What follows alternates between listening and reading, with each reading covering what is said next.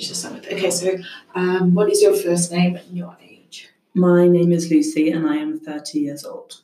Lucy, have you ever had an experience where you've been in a romantic or a, I guess, intimate moment with someone and felt the inside you wanted to stop or slow down, um, but felt like you needed to keep going?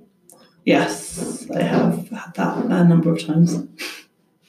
And have you, was it easier when you were younger to deal with those situations, or do you find it more difficult now as you get older? Um, that's quite an interesting question. Um, I guess when I was a lot younger, it was probably easier because we were younger, so you could use certain excuses that I probably wouldn't be able to use in the same sense now um, because people hadn't had as much experience.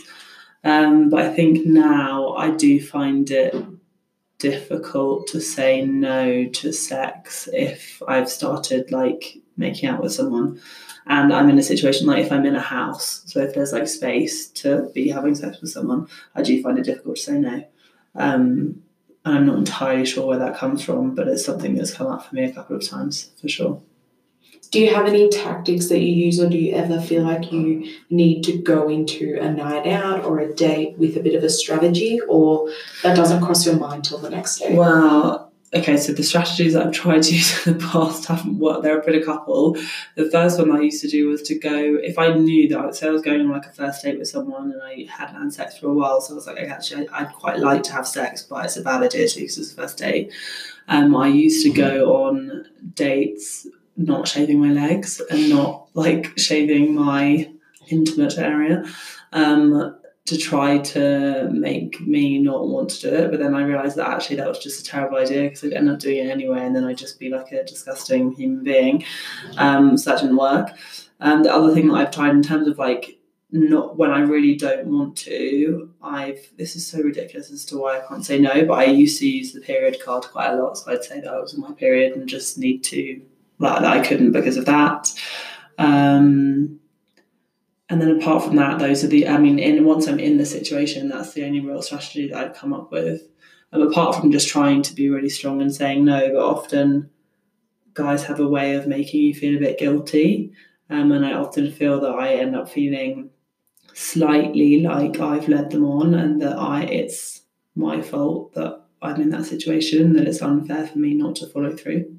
Do you feel that in the moment or do you feel that after? in a sense of like do you tend to overthink the situation after? What is your usual like post situation experience? So uh, in the moment is when i start when i feel under pressure that i should do it because i feel guilty. Um, afterwards to be honest i don't this is probably more a protection mechanism. I don't really think about it that much in like a deep way. So I don't think like, oh god, that was a really bad thing. I shouldn't have done that because I didn't want to. I tend to make jokes about it. Um, so I've definitely become the person in my group of friends that would make jokes and say like, "Oh, I'm so stupid." Like I ended up having sex with this guy that I didn't really want to have sex with because I felt like I should, and I just yeah I make light of it, which probably isn't a very healthy way of managing it. But that's definitely been my default in terms of how I felt afterwards. Are you open with communicating in your groups of friends about situations like this, or do you ever feel too embarrassed to kind of say because it seems silly or um, you know? Um, I definitely feel open in terms of talking about what I've done with a guy. I don't know how much I would share. Like, if I think I probably would, it just I haven't ever felt bad enough about something to feel like I needed to tell someone. Um, but I'm re- relatively open with most people, so I think I probably would if I felt really terrible. Um, but I definitely think that I primarily make light of things and try and make it into a funny story rather than something that is a bit more, um, well, a bit darker, I guess.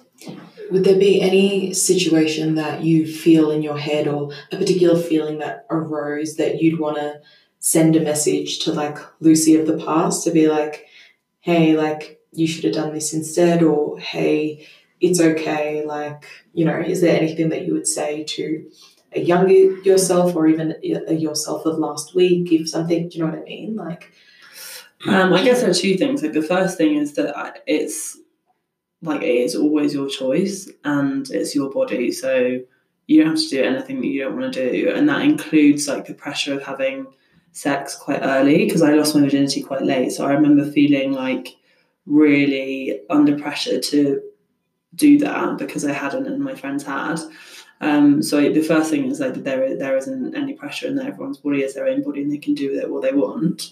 Um, the other thing is more around actually like when I'm in an intimate situation that to focus much more on myself because I think this is a slightly different discussion, but like I think that my default historically had always been to try and make sure that, that I was pleasing the man rather than thinking about myself. And that actually it's not about the man in that situation. It's about both of you sharing something and that you should be enjoying it as much as they are. So you have to kind of put yourself first.